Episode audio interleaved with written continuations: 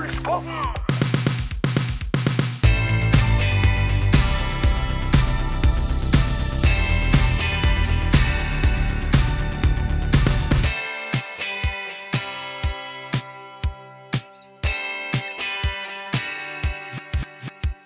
I dag så har vi med oss en spennende gjest, eh, Ole Bjørn. Ja. Ja. Førsteamanuensis på HLT, bokutgiver av hele fem bøker og tidligere pastor i Salt Skien. Og ikke minst Ole Bjørns favorittlærer. ja, I hvert fall én av de, da. Det skal hey, sies. hei. Har du hatt sånn i mange fag? eh? Nei, Det var ett fag i ca. fire timer, så ikke bli for kjepphøy nå, Truls. Karakteren er satt, du vet det. det er ikke satt- Nei, det er sant. Så bra. Velkommen til oss eh, og til Impulspodden, Truls. Tusen, tusen takk. Er du spent på, på, ja, på samtalen i dag? Ja, jeg gleder meg. Det blir fint å prate med dere. Sant? Vi gleder oss i hvert fall veldig til å bli litt bedre kjent med deg. Og vi kjører i gang med fem raske. Ja, Vi liker jo liksom å bli litt bedre kjent med, med gjesten før vi begynner å hoppe inn i, i de temaene vi skal snakke om. Så eh, fem raske, det er jo egentlig da Temaet nå er topp tre på de fem raske. Så du får, du får si eh, det som kommer eh, på toppen av hodet ditt. Oh. Topp tre bøker du har lest. Um, Bibelen må jeg vel si. Og så er det litt sleipt å si min egen, for den har jeg skrevet. Men da begynner vi å komme ned på uh, Eugene Peterson sine bøker. Eh, og jeg tror ikke jeg klarer å finne en spesiell tittel, kanskje, men uh, jeg skal ta de beste nå. Eugene Peterson, um, 'Leaping Over a Wall'. Um, sånn samfunnsanalysemessig syns jeg Ole Jakob Madsen, psykologiprofessor på Universitetet i Oslo, skriver veldig mye bra. Terapeutiske kultur. Og jeg må skyte inn at dette er uforberedt, hvis ikke så hadde jeg hatt en liste litt klarere. Eh, Henry Nowen. Eh, Du er oppe i ganske mange flere enn topp tre. Da. Living Reminder. Det var tre, faktisk. Ja, okay, okay, ja. Men topp tre bøker du har skrevet sjøl, da? Ja, godt, godt poeng. Det, det er Men vi var ikke hjemme, som er den siste. Gud i kirkeasyl og Feilfortelling fortalt. Topp tre undervisere du har hatt. Uh, det er uh, Joseph Humidi på Regent. Og så er det um, Corné Becker på Regent. Og så er det geografilæreren min på videregående. Som jeg ikke husker navnet på nå. Men da jeg tok PPU sjøl for å bli lærer, så eh, jeg faktisk Så tenkte jeg hva slags lærer vil jeg bli? Røssjordet het han. Så tenkte jeg kan jeg tulle så mye som dette her? Ja, det gjorde Røssjordet. Det går fint. eh, så han var strålende. Ja, hvorfor, hvorfor likte du han? Fordi han eh, var veldig morsom, eh, bøy på seg sjøl, gjorde undervisningen spennende, faglig dyktig. Eh, det var en sånn magi i klasserommet der. Du, ingen tulla og tøysa, for du ville ikke ødelegge det. Veldig bra. Topp tre elever du har undervist. Den får du aldri høre. Fair det. fair det. Siste ting. Topp tre uh, ting du savner fra covid-tiden. Um, Pysjamasen min har jeg jo fortsatt, så den savner jeg ikke. Du, jeg, jeg, dette savner jeg egentlig ikke, men jeg savner det likevel. Hadde, det var jo en av grunnene til at jeg fikk ferdig, men vi var ikke hjemme. Eh, at jeg fikk mye tid. Det var fint. Men det var jo ikke fint å sitte aleine så mye heller. Um, jeg kommer ikke på noe annet. Veldig bra. Mm, nei, sant. Mm. Ja, for nå nevner du flere ganger 'Men vi var ikke hjemme', som du ga ut i år. Ja. Det er spennende. Og jeg har faktisk lest den. Oi. Lest den sammen med kjæresten min, da, og så har vi gått gjennom på en måte, og så hatt samtaler rundt eh, tematikken du tar opp. da. Jeg syns det var veldig spennende og veldig ja. Liker hvordan du um, hva skal man kalle det for noe, altså formidler bibeltekster på en veldig forståelig måte. Em, også i boken så ber du leseren kaste et kritisk blikk på hva vi driver med, hva som driver oss, og hva vi drives mot. Og jeg tenkte da å gå gjennom de spørsmålene med deg, for å bli litt kjent med deg. Oi. Og så, hva driver du med? Jeg eh, driver med Du sa jeg jobba på Høgskolen for ledelse og teologi, så det driver jeg med. Og så er jeg eh, veldig engasjert i eh, menighetsliv. Det har jeg alltid vært. eh, I Salt Skien. I Skien, da. Um, så er jeg forkynner. Liker å skrive. Og så er jeg jo har jeg en kone og tre sønner og et barnebarn, så det driver jeg også med. Eh, og så liker jeg å trene, gå turer, lese bøker. Ja. Ja, kult. Ja, men hva driver deg, da? Du, jeg er nok drevet av en uh, uh, lengsel, vil jeg kanskje sette som Det er jo en, den boka som du nevnte med Vi var ikke hjemme, så er det kanskje det som er nøkkelordet, da. Jeg kjenner en veldig lengsel etter eh, Gud. Det driver meg. Eh, forstå hvem Gud er, og hva vi skal gjøre i verden for å forme den mer i hans bilde. Det driver meg. Eh, men jeg prøver ikke å være drevet, da. Jeg prøver liksom å være At det hva skal jeg si, at det går så mye prestisje i det, liksom. Men en indre motivasjon har jeg nok, ja, for å eh, Også for å se mennesker bli kjent med Gud på sin måte. At ikke det bare blir de her eh, sånn når man skal liksom tre over seg som en tvangstrøye, men å oppdage hvem Gud er, og bygge en relasjon med han. Mhm. Og det skal vi komme litt tilbake til også. Ja, så vil spørre deg mer om. Men eh, hva drives du mot, da? Å, si det. Jeg uh, håper jo at jeg drives mot um, um, Mot Gud. Eh, mot å leve et helt liv for Han. Leve hele livet for Han.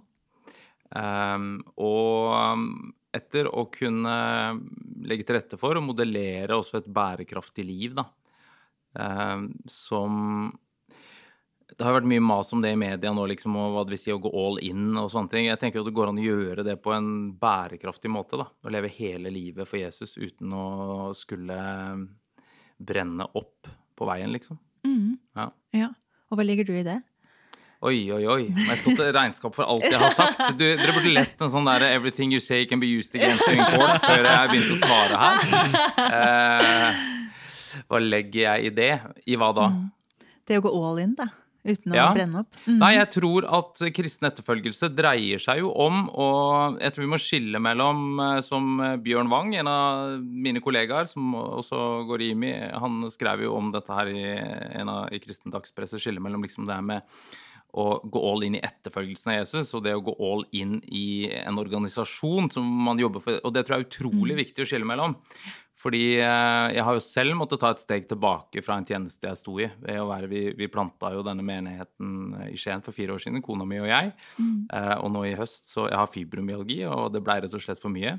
Eh, det var ikke noe jeg ville, men vi måtte liksom tre til side som hovedledere. da, Vi er fortsatt ledere og veldig aktive. Um, men det som er den røde tråden liksom, i livet mitt, det er jo ikke hva jeg gjør, men det er hvem jeg gjør det for. Og det tenker jeg er å gå all in. Eh, jeg har gitt livet til Jesus, jeg vil tjene han hele livet. Uh, men jeg kan gå ut og inn av roller og sånne ting, og det tror jeg er viktig, liksom. At vi klarer å skille mellom det. For altfor mange har brent seg ut for en type organisasjon eller et eller annet sånt, og ikke tatt hensyn til kroppens signaler eller mista seg sjøl eller et eller annet sånt. Eh, Så jeg tror vi, vi må klare å skille mellom det. Mellom helhjerta etterfølgelse og, og det å legge alle aksjene i én spesifikk tjeneste eller organisasjon. Mm. Ja, neimen sant. Mhm. Eh, så spennende å høre deg snakke allerede. Reflektere. Eh, hva, jeg, jeg, jeg pratet med noen av dine kollegaer, deriblant Bjørn, eh, tidligere i dag. For jeg sa jeg skulle treffe deg. Eh, at de påpekte jo, eller de antok i hvert fall, at du kanskje var den typen som uh, satt på bakerste rad på skolen og kanskje hadde noen kommentarer Det til er helt riktig! Ja. stemmer det. var Det var akkurat det jeg Og så problemet mitt er at jeg snakker så høyt, så jeg ble alltid hørt for de der kommentarene også. ja, Hvordan var du på skolen? Hvis du Du burde, nå burde du intervjua en lærer, ikke meg. Men eh, jeg har alltid Hvis han geografilæreren hadde sittet her nå, hva tror han hadde sagt? Han tror jeg hadde syntes at det var moro, for han var veldig morsom sjøl. Og der satt jeg ikke bakerst heller, i hans uh, timer. Der satt jeg ganske langt framme. Vi dro faktisk og besøkte han. Uh, så, um, men uh, hadde du spurt mattelæreren min, eller noe sånt, så, eller tysklæreren Jeg hadde, Særlig tysk var det verste faget jeg visste. Og en kompis eh, som nå er eh, eh, ja, en kompis av meg, og vi la opp en sånn strategi hvor vi rakk opp handa akkurat idet vi så at uh, læreren var i, i ferd med å spørre noen, for da så det ut som vi var muntlig aktive, samtidig som vi ikke kunne svare. Noen ganger så var vi litt for kjappe, da, så vi blei jo stilt, eh, blei jo tatt på fersken, liksom. Men, Det var veldig lurt, ja. ja, ja god, veldig god strategi. Funker den på høyskole òg? Nei, det tror jeg ikke. Det er gøy. Ja, det men Spennende. Jeg tenkte å spørre deg litt om trosreisen din. da. Ja. Hvordan eh, tok du imot Jesus? Eller ja, Du, jeg vokste opp i et uh, kristent hjem. Jeg tror foreldrene, begge foreldrene mine kommer fra ene fra statskirke og mer, den andre mer uh, misjonskirkebakgrunn. Men jeg, de, jeg har liksom aldri fått snakke ordentlig med dem om det, men jeg tror de fikk en type fornyelse eller tok et personlig standpunkt eller noe sånt når jeg var uh, i førskolealder. Så jeg har liksom alltid hatt en opplevelse av å vokse opp i et kristent hjem. Og hvis, skulle, hvis, du hadde spurt meg for 25 år siden jeg skulle fortelle trosreisen min, så hadde det mm. vært masse høydepunkter. Det var noen sånne nøkkelpersoner og hendelser, og det tror jeg fortsatt. Men jo eldre jeg blir, jo mer ser jeg nok at det er liksom den, eh, den jevne, langsiktige påvirkningen Uh, Utilsikta også, men bare folk som er der, liksom, har utrolig mye å si. Mm. Eh, og det tenker jeg gir verdi til Altså, vi lever i en kultur hvor alle skal opp og fram og få seg et navn og stå på en talerstol og liksom sånne ting. Jeg tror vi trenger å blåse støvet litt av den herre eh, trofastheten da, som du finner i en del Jeg var og talte nå på fellesmøter i Gjerpen, på et bedehus oppi Altså, det var La oss si det sånn at folk som eh, legger ut bilder på den der eh, Hva er det for noe sinnssyk eh, kristne ting eller sånn ja. på, på, Instagram, ja, ja. der kunne du gått amok. Det var som en tidsreise 40 år tilbake. Men der sitter det en gjeng ikke sant, som, som, er, som har vært trofaste i dette arbeidet veldig, veldig lenge. Og jeg tror at Jeg tror i dag fordi noen trodde før meg. Ikke sant? Og det er en utrolig byrde som jeg kjenner på. Skal noen tro etter oss òg? Så må vi også modellere bærekraftig tro. Da. Og jeg tror at um, Noe av utfordringen er den her privatiseringen av troen. liksom Bare jeg tror, så er det greit. Det er, men vi trenger å lage fellesskap hvor vi tror sammen. Nå begynte jeg å preke deg, jeg forkynner også, men skal, min trosreise, ja. Jo, mm. så det ligger nok et grunnfjell der liksom, av foreldre og besteforeldre. Det er ikke det at de har bedt hele tida og holdt masse andakter og sånn, men det har liksom bare vært lufta jeg pusta i. Men min, uh, Min, eh, men så har jeg litt sånne dramatiske, livsforandrende hendelser også. Eh, jeg var 14, og da, jeg satt ikke bare bak, det var ikke bare i, på skolen jeg satt og slang kommentarer bak, det var også i kristne sammenhenger. Så jeg har blitt kasta ut fra søndagsskole og barneforening og junior og, og, sånn. Eh, jeg har nok alltid vært ganske snill, men litt sånn eplekjekk og tøff i trynet og sånn. Så det, men i 87 eller fram til det så var jeg, jeg hadde, Mitt forhold til Gud var litt sånn her at uh, jeg ville jo gjerne være med hvis han, Jesus kom igjen. For jeg syns alternativet var dårlig, men jeg ville ikke ha så veldig mye med han å gjøre før det. Uh, og så Så jeg hadde ikke noe sånn veldig de, Flere andre av vennene mine i det ungdomsmiljøet som jeg var, fikk liksom litt mer personlig gudsrelasjon, og jeg husker de ba om at uh, jeg også måtte bli med på ting og sånn. For jeg gikk heller og fiska enn å være med på sånne ungdomsgreier på, på leir og sånn. Eh, og så um, Men så en høstkveld i 1987, litt sånn helt ut av det blå Vi var og besøkte tante og onkelen min som gikk på en bibelskole i Sverige. Så fikk jeg lyst til å lese Bibelen, og det skjedde jo nesten aldri. Jeg burde jo tatt, uh, tatt uh, hintet allerede der, så jeg gikk inn på et soverom og skulle be å lese Bibelen, og det ble en sånn veldig kaldsopp. Det var ikke noe englesang eller noe sånt, men etter jeg fikk Gud satt kroken i hjertet mitt. Det er det siste kapitlet, eller epilogen i boka mi, som er kort oppsummert. da. Mm. Eh, og det forandra kursen helt. også Fram til det jeg drev mye med musikk og skulle bli popstjerne etter mammas store forskrekkelse. Men eh, da skulle jeg bli predikant. Ja. Eh, og begynte å bruke sykt mye tid med Gud. Det var liksom to-tre timer om dagen med bønn og bibellesing. Og hadde en sånn skikkelig Eh, helt livsforvandlende greie. da. Eh, og det er fortsatt liksom nullpunktet i mitt religiøse koordinatsystem. Altså det, selv, om, selv, om, jeg gjør veldig mye annet nå enn det jeg hadde tenkt. For da skulle jeg hadde jo ikke tenkt, jeg leste jo bøker om eh, folk som dro ut som evangelister når de var unge. Jeg hadde ikke tenkt å gå videregående engang. Jeg skulle ut som evangelist. Men det var jo ingen som spurte om mine evangelisttjenester, så jeg tenkte ja, jeg får jo begynne på videregående. Eh, og så var det en annen, en annen, favorittlærer som jeg hadde i første Jeg husker han drev og delte ut eh, sånne brosjyrer for høyskoler og universiteter. Og jeg bare liksom pass it by. Det der skal jeg i hvert fall aldri gjøre. Jeg skal jo bare tjene Gud. Nå sitter jeg med en doktorgrad, da, så det er liksom noen ting blei jo litt annerledes enn jeg hadde sett for meg. Eh, men eh, det er, det er, en rett linje, altså, mellom eh, det møtet med Gud og Der blei lengselen tett tent og, og retningen satt. Og jeg faller på en måte tilbake i det stadig vekk. Så det var én ting. Mm. Vet ikke hvor, mye du, hvor lang tid dere har, jeg. Jo, fortsett. Det er kjempespennende å høre. ja. ja.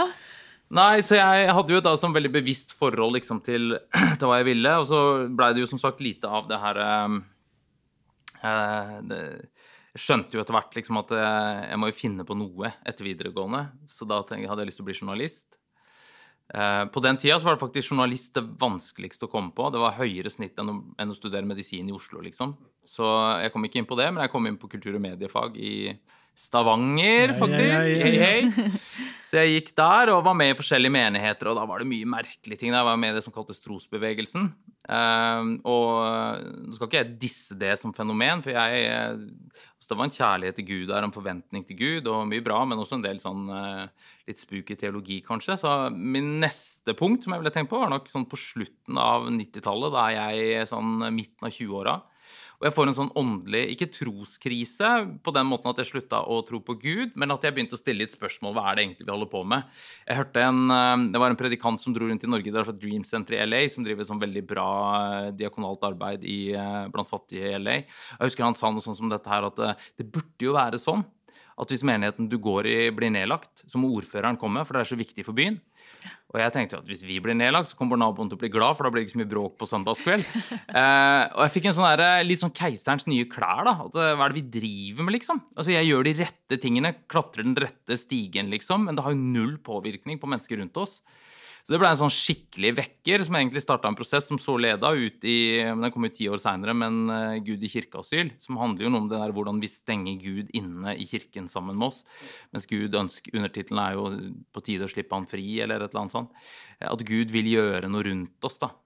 Uh, og at derfor så må vi ha en Vi må ha kontaktpunkter med verden rundt oss skal være i verden, men ikke av den, som, som, Jesus sier. Så det var en sånn vekker som nok også førte meg eh, til eh, at vi dro til USA, hvor jeg tok en master i praktisk eh, teologi. tidlig på 2000-tallet. Vi dro jo da av gårde med Vi hadde tre unger, som på den tida var halvannet og fem og sju. Og vi solgte huset vårt to uker eller noe før 9-11. Jeg husker liksom, er det vi skal? Skal vi dra med ungene våre bort der, liksom? Ja. Eh, jeg var eh, nyhetsanker også i en lokal-TV-stasjon. Da husker jeg satt på desken, og klokka var jo tre i Norge da. Liksom bare, Hva er det som skjer? Jeg har aldri mm. følt meg så lite relevant. Det er jo ikke en kjeft som bryr seg om hva vi skal snakke om i dag av lokale nyheter. ikke sant? Det ser ut som mm. verden er i brann, liksom. Mm. Men eh, det var også veldig livsforvandlende, de to årene i USA. både det å komme et annet sted hvor liksom mange av krykkene som du har lent deg til, blir tatt bort, liksom, så du må deale med ting litt dypere, men også jeg nevnte Joseph Humidi i stad. Uh, jeg er jo egentlig ganske trygghetssøkende, da. Så når vi kom bort dit, så var det først veldig gøy, og så mista jeg passet mitt, og så fikk jeg syk hjemlengsel. Jeg hadde bare sånn, jeg husker jeg gikk rundt med norsk bibel på huet, liksom, bare for å ha et eller annet. Jeg må ha noe norsk. og jeg var dritstressa, og vi begynner semesteret, og det, alle lærerne stiller seg opp og presenterer seg, og så kommer Joseph Humidi, da, og så sier han, sier, mye, men han sier at in, uh, in real estate It's all about location, location, location. Altså eiendoms dreier det seg bare om Det dreier seg om lokasjon. Mm. In ministry it's all about relationships, relationships, relationships. Så jeg bare kjente det traff meg skikkelig. Så det gikk 14 mm. dager, og så gikk jeg eller en måned eller noe. Gikk jeg og banka på døra hans og spurte om ikke vi kunne ha litt sånn relationships, som han snakka om. Og han ble en kjempeviktig person, i, både som mentor for meg, og kunne liksom se hvordan noen ting hang sammen. For eksempel så kjente jeg at jeg ble kalt ungdomsleder eh, i 95. Uh, vi flytta tilbake, og jeg begynte som ungdomsleder. og Så går det et par år, og så blir det en sånn konflikt mellom um, Skal jeg velge familie, eller skal jeg velge tjeneste? Liksom, vi fikk to unger, og det var jo føyk på kristne møter hele tida. Så jeg følte jeg måtte velge. Valgte selvfølgelig tjeneste. Nei, selvfølgelig ikke! Jeg har jo ikke pokerfjes. jeg klarer ikke. Nei, selvfølgelig valgte jeg familie. Men jeg følte at det her er et falsk valg. Men hvordan skal jeg håndtere det? For enten Enten så er jeg ulydig hvis Gud har kalt meg til dette her. Dette var sånn det foregikk i mitt hode. Enten så er jeg ulydig mot kallet, eller så hørte jeg ikke Gud kalle. Og begge deler er et problem. Mm. Og det her liksom bar jeg litt sånn med meg, da. Uh, så når vi da sitter liksom sju år seinere i USA, så begynner jeg, å, begynner jeg, å, lese en bok som heter 'Making of a Leader', som, uh, i disse samtalene med Humidi. Um, og den boka er jo skrevet av en som heter Robert Clinton, som har forska på liksom, Fins det noe sånn felles mønster på hvordan Gud uh, utvikler ledere? Og en av de tingene som han sier er at I begynnelsen av livet så er Gud mye mer opptatt av å gjøre ting i oss enn gjennom oss. Mm. Og plutselig så begynner jeg liksom å se at ah, Gud jobba i dette. her, Han forma noe i meg. Han planta noen ting som så ut, det så ut som eh, så ut som et eller annet, en skikkelig fiasko akkurat når det skjedde, men etterpå så ser jeg at her ligger sporen til mange av temaene som dukker opp seinere i livet. da. Masse annet jeg kunne sagt også om det, men det er nok kanskje de største um, um, sånn veldig skjellsettende erfaringer. Og så er det selvfølgelig veldig mye annet. Det å jobbe på HLT, kollegaene mine, um, relasjoner og Ja, Jumidi sa også det. Jeg husker han, for han var leder for um, flere eh, for flere kirkesamfunn. Og så spurte jeg når du skal finne en pastor til en menighet, hva, hva, hva ser du etter da? Så sa han I'm looking for people with a limp. Jeg ser etter folk som halter. Ikke sånn fysisk, da. Altså bare liksom Alle pastorene gikk rundt og halta. Fælt. Men ikke sant, det er jo for fortellingen om Jakob som har kjempa med Gud, og som går derfra med et slag over hofteskåla og halter. Og det er noe med det at eh, skal vi bli gode kristne ledere, så må vi Vi går gjennom tøffe perioder. Eh, sjelens mørke natt, som Johannes av Korset var det vel, kalte det. ikke sant? Vi, alle går gjennom sånne ting, og vi må ha et språk for det. Og så former Gud oss i disse tingene, da. Eh, og derfor, eh, Det er jo en av de tingene jeg skriver om også. Derfor må vi, særlig i karismatiske miljøer som våre Jeg er pinsevenn, dere er eh, en del av lavkirkelig karismatisk bevegelse. Vi må blåse støv av klagen, for det er vi altfor dårlige til. Den bibelske klagen. Altså, les salmene, liksom. Det er jo helt, de er jo mye mer radikale enn jeg tør å være. Det er sånn in your face liksom, med alt som ikke funker, til Gud. Eh, men jeg tror at hvis ikke vi gjør det, så blir disse tingene som vi ikke får til å stemme i livet vårt, de blir liksom liggende som en sånn kile mellom oss og Gud. Da. Men hvis vi tar tak i det, og så sender vi det til Gud, så tror jeg også det uh, Bærekraft har jo vært et ord her nå, da, men eh, altså, det gir en bærekraftig tro da, som tåler eh, ulike sesonger i livet. Men nå må dere spørre, da. Nå er Det er så spennende å høre på, så jeg bare satt som et klister. Men ja. Ja, altså, eh, For å spole litt tilbake, altså, du, mm. du sier jo sjøl at du satt på vaktstrad både i kirka og på skolen. Og eh, mitt inntrykk som ungdomspastor sjøl er jo at de som sitter på bakstrad og kanskje lager litt støy i den alderen der, er jo ofte de òg som kan fort bli de mest brennende og, og mest gira eh, kristne som, som reiser ut og gjør litt radikale ting. da. Er det, er det, gir det gjenklang, den, den observasjonen, for din egen del? jeg har sett noe av det også, ja. Ja. Jeg husker særlig når vi var eh, Vi drev et Twins-arbeid hvor eh, og særlig noen personer jeg tenkte på, som vi, vi skulle på en konferanse et annet sted, og de lederne var liksom så opptatt av å holde de nede og få de til å stille, mens det så at her er folk med lederpotensial, liksom, som eh, Så det kan nok stemme. Det kan sikkert gå begge veier, da. Så Men det, det andre du sier, er jo at det er en sånn Som jeg hører da, når du deler, at du har en, ref, en lengsel etter å på en måte eh, Eller eh, vært utfordra av det her det kalde familie, og egentlig hatt en lengsel etter å gjøre det Gud har kalt det til, men hvordan ser det ut i ulike sesonger? Altså, opplever du nå at du lever ut det Gud har kalt deg til? ja, Ja. det gjør jeg. Men det er klart, sånn som eh, det å måtte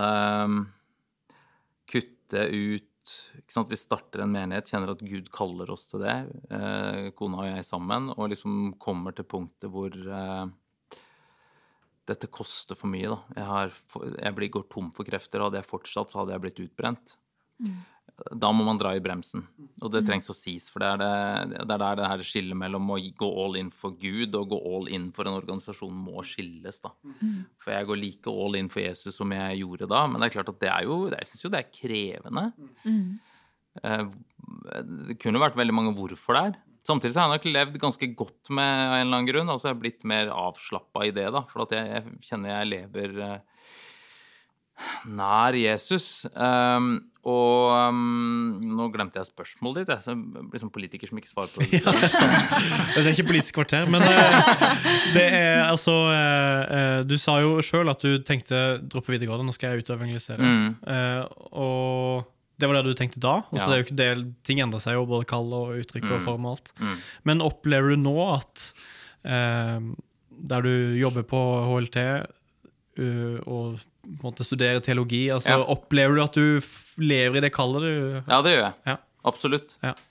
Og det føler jeg på en måte jeg har gjort uh, opp igjennom uh, også. Men det har ofte tatt litt andre vendinger enn jeg så for meg. da. Jeg så, hadde jo ikke tenkt å ta en utdannelse i det hele tatt, og i hvert fall ikke innen teologi. Jeg husker jeg ble, jeg ble skikkelig skuffa av ungdomslederen min. Jeg skjønte han hadde større teologi.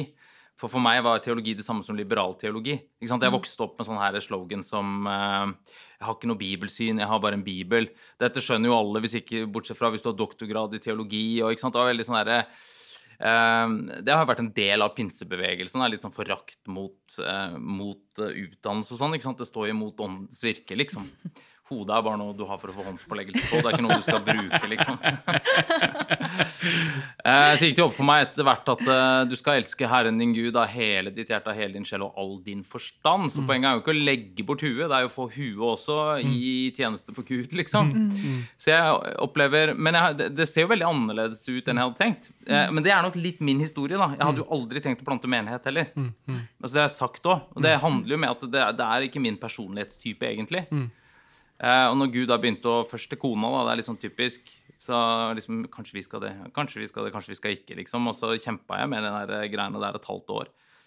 Eh, men da hadde jeg faktisk eh, Dette var høsten 2016, da, et år før vi begynte. Så drev jeg og bala med dette her. Jeg husker en varm septemberkveld jeg lå ute på verandaen med beina opp og kikka på blå himmel og svalene som fløy eh, lavt. Eller høyt, sikkert. Så gikk det plutselig opp for meg at eh, Vet du hva? Og dette tror jeg nesten er første gang siden jeg var 14. Jeg vet ikke om jeg vil. Jeg vet ikke om jeg vil gjøre dette her. For det kommer til å koste så mye. Eh, og jeg har alltid vært sånn at uh, uansett hva du kaller oss til Det var jo også når vi flytta til USA. Vi solgte jo huset, sa opp jobben. Det eneste vi visste, var at vi ikke skulle tilbake til Skien. Og skulle vi tilbake til Skien, jeg ble så sur og gikk og krangla med Gud i en skog der i flere uker. Uh, men da, da gikk det opp for meg at jeg vet ikke om jeg vil. Men så gikk det en halvtime, da, så opp med hvite flagget. Liksom, OK, uansett hva du kaller meg til, så gjør jeg det. Eh, men så gikk jeg og bala ganske mye med det, for jeg, ser at dette ligger så langt utenfor min eh, gaveutrustning da, på en del ting. Med gründerbiten, liksom. Akkurat det pastorale ligger nok mer i, i kjernen av hvem jeg er. Eh, men da så jeg kjente jeg måtte liksom ha en mer Skal jeg gjøre dette her, så trenger jeg en skikkelig indre overbevisning. Eh, jeg er ikke sånn som trenger det på alt. Jeg står ikke foran kjøleskapet og spør om jeg skal ha salami eller leverpostei på brødsida. Liksom. Sånn, sånn, sånn åndelig ledelse syns jeg bare blir tull. da. Vi trenger ikke å Mange ting har vi frihet til å velge hva vi vil, men på litt sånn store livsvalg så eh, Og særlig noe som ville koste så mye, så kjente jeg at dette må, dette må jeg ha en indre overbevisning om. Og det fikk jeg. Men når du da sitter liksom fire og et halvt år etterpå og må kaste inn håndkle, det er klart at det, det svir, det. Eh, og jeg syns det er emosjonelt krevende, liksom, men jeg kjenner absolutt på at jeg tjener Gud like helhjerta. Saken er at jeg har tenkt å tjene han hele livet. ikke sant? Så hadde jeg holdt på noen måneder til, så gjort samme greia, så hadde jeg jo ligget der eh, utbrent og sånn. Så Men jeg føler jeg er der jeg skal være, ja. Ja, spennende. Det er veldig spennende å høre på, altså. Ja. Vil du si noe om, siden du eh, Ja, du nevner nå at du eh, ja, altså hører fra Gud, da. Og eh, hvordan søker du Gud eh, i hverdagen? Hvordan ser det ut for deg? Det skriver jeg litt om i boka, eh, og der har jeg nok um, Jeg har fått veldig tro på rytmer. Det er jo litt sånn anti det jeg kommer fra. ikke sant? For det skulle alltid Å, det må være så ektefølt, og det må gå på inspirasjon. Ehm, og det er mye fint ved det, da, men det er jo ikke alltid man er inspirert til ting. Eh, når jeg var tenåring, etter denne her gudsopplevelsen som jeg fortalte om da jeg var 14, så sto jeg opp klokka seks om morgenen og ba en time. Mm. inntil jeg skulle vise Gud at jeg virkelig mente alvor, så jeg skulle begynne å stå på en halvtime tidligere, halv seks isteden. Da grusa jo alt. altså Det er jo en annen sak. At vi må frigjøre oss fra det der eh, Det handler jo ikke om at vi skal vise Gud noen ting. Eh, Det handler jo om relasjon. Men eh, sånn som det ser ut for meg nå, eh, så Jeg er jo en eh, Altså jeg er så trøtt om morgenen. Det er som en sånn eh, zombie-apokalypse når jeg går halvdød gjennom eh, huset og ser meg i speilet og tenker at Darwin hadde rett. Det her er umulig skapt i Guds bilde. Eh, så da er det liksom å bare bevege seg ut på på kjøkkenet, lage en skål med Cheerios som jeg spiser sånn i halvsøvne, lage litt kaffe, gå på kontoret, og så setter jeg meg i en stol. Samme stolen hver gang, stort sett. Og så leser jeg en salme, høyt hvis jeg orker, um, fra Salmenes bok. Og så ber jeg Herrens bønn, eller Fader vår, noen ganger på knærne når jeg vil ha med kroppen min. Og så begynner jeg å jobbe. Så det er liksom det er den eh, bønnerutinen. Og så har jeg gjennom uka ellers så har jeg fått eh, Jeg tror vi trenger avbrudd, da. Eh, så jeg, i noen år nå så har jeg praktisert sabbat. Jeg bruker ordet sabbat istedenfor hviledag. For det hviledag tenkte jeg, det er jo en hvile til å gjøre når du er sliten. Så hvis ikke jeg var sliten, så trengte jeg ikke noe hviledag heller. Men sabbat betyr stopp.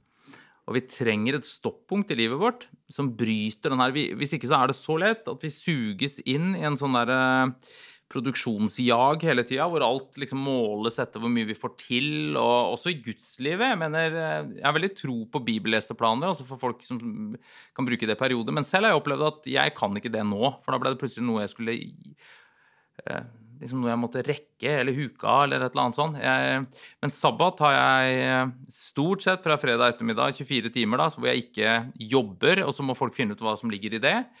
Eh, for meg er det at jeg må ikke gjøre noe som er eh, knytta til salt eller HLT. Eh, så jeg svarer ikke på e-poster og skrur stort sett av ringelyden på mobilen. Og, altså, det er jo tilgjengelig for familie og sånn. Og jeg kan godt klippe plen, liksom. Det er ikke det. Mm. Men jeg jobber for å ha 24 sammenhengende timer som har en litt annen rytme. Og det som er genialt med det, det er at da har du, uansett hvor mye dårlig tid det er rundt deg, så har du plutselig all verdens tid i 24 timer. Mm. Det er helt rått. Mm. Ehm, så det er en viktig vane. Da bruker jeg også tid til å lengre tid. Særlig på lørdag morgen ofte, før de andre har stått opp. Eh, lager meg noe god kaffe. Spise julekake med mye smør. Eh, sitte og bare være til, og ikke skulle produsere noen ting. Så produserer jeg mye ellers i uka. Men jeg tror på bruddet, da. Og samme så legger jeg inn periode stort sett med, med stillhet og solotid, som noen har oversatt det med. da, Tid alene med Gud, til stillhet. Mm. Og det er litt av det du stilte meg spørsmål om hva er det som driver oss, hva driver vi mot, og hva er det vi driver med, eller hvordan det var. Mm. Og jeg tror jo noe av poenget med refleksjon er at vi trenger å ta et steg tilbake. For problemet, vi, også i kristne sammenhenger, hvis vi bare gjør og gjør og gjør, ja, men hvordan veit du at du gjør den rette tingen?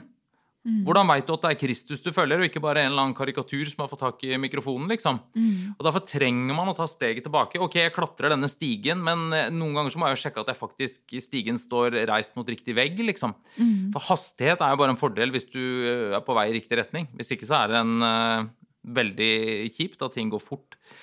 Så det er nok noen av de der Så gjennom hverdagen så er det litt sånn uh, gå en tur og be, gå en mm. tur og lytte til fuglene. Det er liksom noe med å finne roen da, i livet. Mm. Det er veldig spennende å høre på deg, altså, Truls. Og mm. ikke minst den eh, tjenesten du har stått i over tid, da, og vært eh, trofast mot Gud gjennom ulike sesonger. Eh, og så er vi jo litt innom boken din eh, nå også, men mm. vi var ikke hjemme.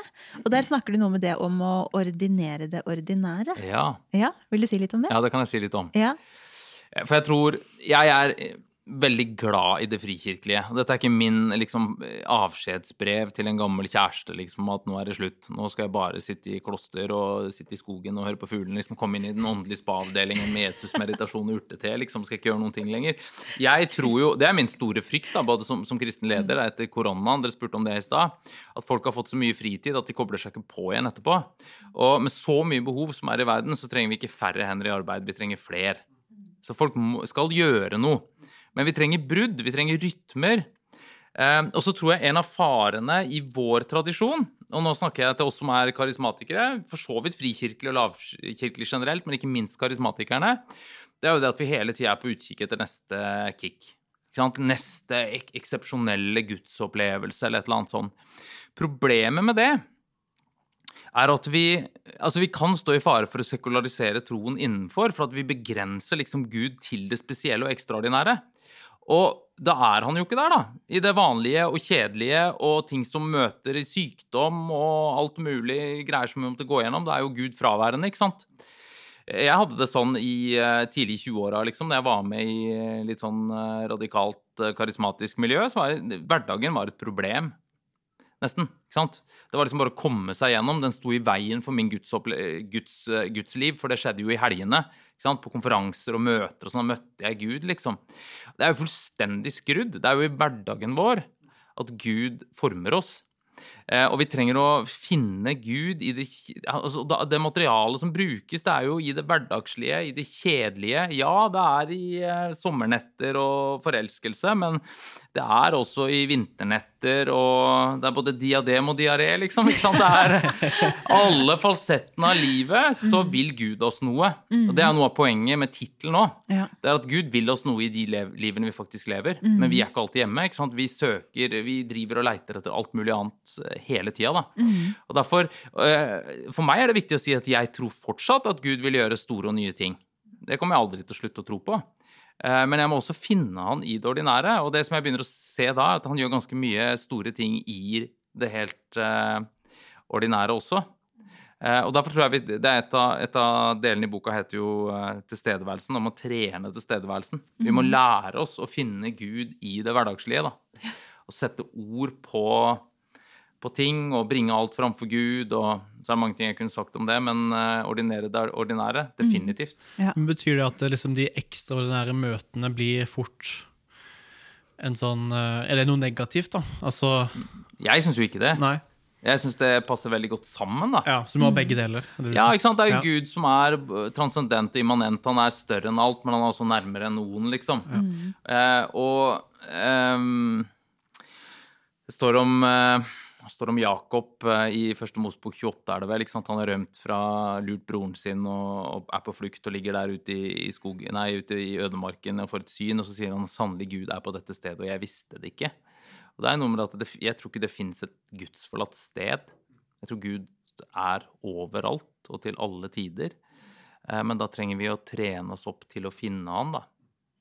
Eh, og definitivt Jeg ber jo om sant Kom Hellige Ånd, ikke sant, og uh, vil erfare Gud og tror at Gud vil gjøre ting. Men vi må også Det er det som i teologien snakkes om allerede ennå ikke. ikke sant? Gud har, Guds rike har kommet, men det har ikke kommet sånn som det en gang skal være. Og hvis du lander i bare én av de uh, ytterpunktene, så blir det fort havari, altså. Mm. Du skriver jo òg noe om tid og travelhet, og du har jo snakka litt om det allerede. Men du, du siterer jo òg Søren Kirkegård, mm. filosofen sjøl, eh, hvor han sier at av alle latterlige ting er ingen så latterlige som å ha det travelt. Mm. Er du en uh, latterlig fyr? Vet du hva, jeg har gjort et skille. Jeg tror Det går For det, det vi ikke må havne i her, det er ja. at liksom vi skal åh, vi har et hav av tid, så ja. bare sitter inne og tvinner tommeltotter. Det tror jeg ikke noe på. Fordi jeg sånn kan hvile i stad. Altså, hele greia er jo én dag med hvile, seks dager med arbeid. Ikke sant? Du må ha begge, både arbeid og hvile hvis det skal være både balansert og bibelsk. Men det går an å ha mye å gjøre uten å være travel. Jeg, har, jeg tenker nok på travel som en beskriv, vesensbeskrivelse. da. Er jeg Ok, jeg kan ha det travelt rundt meg, men er jeg travel? For da er det et eller annet som har tatt meg. Eugene Peterson sier jo det at det er, det er et uh, oxymoron. Det er et det er mot, det blir bare engelsk, contradiction in terms. Du kan ikke være pastor og være travel, sier han. Mm. Du kan godt ha mye å gjøre, men du kan ikke være travel. For det handler noe om, om tilstedeværelse, da. Det er derfor jeg mener vi må temme tiden nå. Fordi eh, Nå er jeg litt sånn Jeg syns jo en del kristne bøker som skriver om tid, maler et sånn ensidig svart bilde av liksom Å, ingen har hatt det så travelt, og tidligere generasjoner hadde ikke travelt. Men det er det forskning som sier at vi har ikke noe mindre tid, vi har mer tid på flere områder. Det som jeg tror kanskje er vår store utfordring, det er jo det at vi alltid er på. Du har ikke de der, ikke sant? Vi har strøm, så vi kan slå på lys om natta. Det er ikke sånn at ting blir styrt av liksom syklusene i naturen. Eh, og så har vi den velsignelsen og forbannelsen der at hele verden er tilgjengelig på mobiltelefonen. da. Eh, og jeg tror Hvis ikke vi har et bevisst forhold til dette her, og temmer tiden, lager grenser, så blir vi fort eh, bare dratt inn i en sånn tidskarusell, det som eh, Arne Johan Vettelsen, filosof på Universitetet i Oslo, kalte døgnåpne menneske. ikke sant? Det er en distraksjonspandemi som hele tida skriker etter oppmerksomhet, og så er vi overalt samtidig. Fear of missing out. ikke sant? Jeg veit jo hva som skjer der, jeg vet hva som skjer der, så jeg forplikter meg ikke til noen ting. Og der tror jeg vi trenger å sette noen rammer i eget liv, da. Mm. Nydelig å høre deg reflektere. Ja, så bra. Ja, det er skikkelig, skikkelig bra. Du, vi skal, vi skal, gå inn mot landing nå. Ja. Eh, jeg sa jo tidligere at jeg hadde snakka med noen av dine kolleger. og eh, Først så snakka jeg med Bjørn, som jeg sa. Mm. Eh, og noe av det første han sa, at ja, Truls han elsker jo å bade. Og så snakka jeg med en annen en som ikke var der. Det var faktisk i en helt annen sammenheng. Ja, Truls han elsker å bade. Ja, det er ikke tull. Altså, Du er en ekte sjøhest. Åh, Jeg har et sykt barnslig forhold til vann. Og det blir mer og mer sånn. altså. Ja, men det, Kjører du bading hele året? Eller er det kun Nei, jeg hadde nok gjort det hvis jeg bodde i nærheten av vann. Ja. Veldig, men jeg gidder ikke ut og skrape bilen i morgenkåpe, sitte liksom 15 minutter, og så hjem i morgenkåpe med en frossen badebukse, liksom. Men jeg begynner tidlig og slutter seint, ja. Det gjør jeg. Og jeg bader ja, De har vel sikkert sett meg på sånne stabsturer da, hvor jeg går opp og ned av vannet. Ja, vi har ti minutter før ferja kommer, da kan vi bade. Ja, jeg, har, jeg elsker vann. Det er helt Jeg kan bli I USA, da var jeg aleine, men jeg sto jo liksom i, og hylte i vannet som over 40 år gammel mann. liksom. Mm. Men Kjører du speedo eller badebukse? Litt sånn speedo med litt sånn slakkestrikk? Nei da, jeg kjører definitivt badebukse. No speedo. Veldig bra. Du, eh, på slutten her ehm, Impuls eh, per definisjon eh, er jo en sånn kraftpåvirkning som over tid fører til varig retningsendring. Kan du nevne tre impulser som har hatt betydning for livet ditt? Jeg tror jeg nevnte dem i stad. Jeg kan oppsummere litt. Det ene er jo den der eh, gudsmøtet som 14-åring. Ekstremt viktig. Eh, og så var det det her med eh, litt den der troskrisa som er? Det her med å se at vi er jo så innadvendt. liksom, hvordan... Det er nok et sånn viktig tema i livet mitt, og jeg ser jo veldig mange av disse tingene gir sånne temaer som på en måte blir et signaturbudskap òg. Hvordan kan vi være engasjert i samfunnet rundt oss, eh, samtidig som vi tar vare på en indre, et indre liv med Gud? Eh, og så var det kanskje USA-turen, da. Og så masse av disse folka liksom, som jeg omgås hele tida. Jeg har fått en litt sånn crash på gamle menn, jeg nå. Men jeg liksom springer etter Leif Gunnar Engedal og Jens Petter Jørgensen. Og Egil Svartdal er jo noen år yngre, da. Men, eh, men det er fordi at jeg, det er et eller annet med den generasjonen der eh, som de er bærere av noe, da. Som vi også trenger. Eh, så eh, det også er veldig livsforvandlende. Men det er jo ikke én impuls, det er mange impulser. Men det å liksom få perspektivet fra noen som har gått foran, å kjenne lengselen og tørsten og, og sånn fra dem, det, det gir meg veldig mye. Altså På tampen, før vi tar av opptak, altså, ja. kommer det en ny bok? Er det, er det flere prosjekter på gang? Du, jeg sitter og tenker litt på, på noen nye greier, ja. Eh, Hvor lang tid det tar, veit jeg ikke, men eh, det går jo nettopp litt på dette med trofasthet. Da. Altså, jeg tror jo liksom hva skal være den røde tråden gjennom livet vårt? Det må være trofasthet til Gud. Også i en tid med Hvor mye tid har jeg nå? For- 20 sekunder. Jeg vokste jo opp med forventning om at vekkelsen kom. Jeg trodde jo Jesus kom igjen før jeg ble gift. ikke sant? Og så har du, kan man fort hente mye energi fra det som skal komme. Og hvis det feiler og ikke blir sånn som du har tenkt, så kan det jo fort være at man sitter med en ruin, ruinert tro. Men hvis der vi må hente energien vår, er det ikke først og fremst resultatene, men det er i trofasthet mot Gud. Og så veit ikke vi om det kommer noe vekkelse i vår tid, eller om vi blir stående i en motgangstid, og det kommer vekkelse etter oss. Det veit vi ingenting om. Så det vi må gjøre, er å være trofaste mot Gud. Så jeg håper det blir en bok om det. Veldig bra. Truls Aaklund, det har vært en glede å høre deg Du, det samme. Det har vært kjempegøy. Ja. Veldig bra. Mm. Tusen hjertelig takk for at du kom og ville Takk for at jeg fikk komme. Veldig kjekt. Og lykke til videre med alt det du står i. Takk det samme.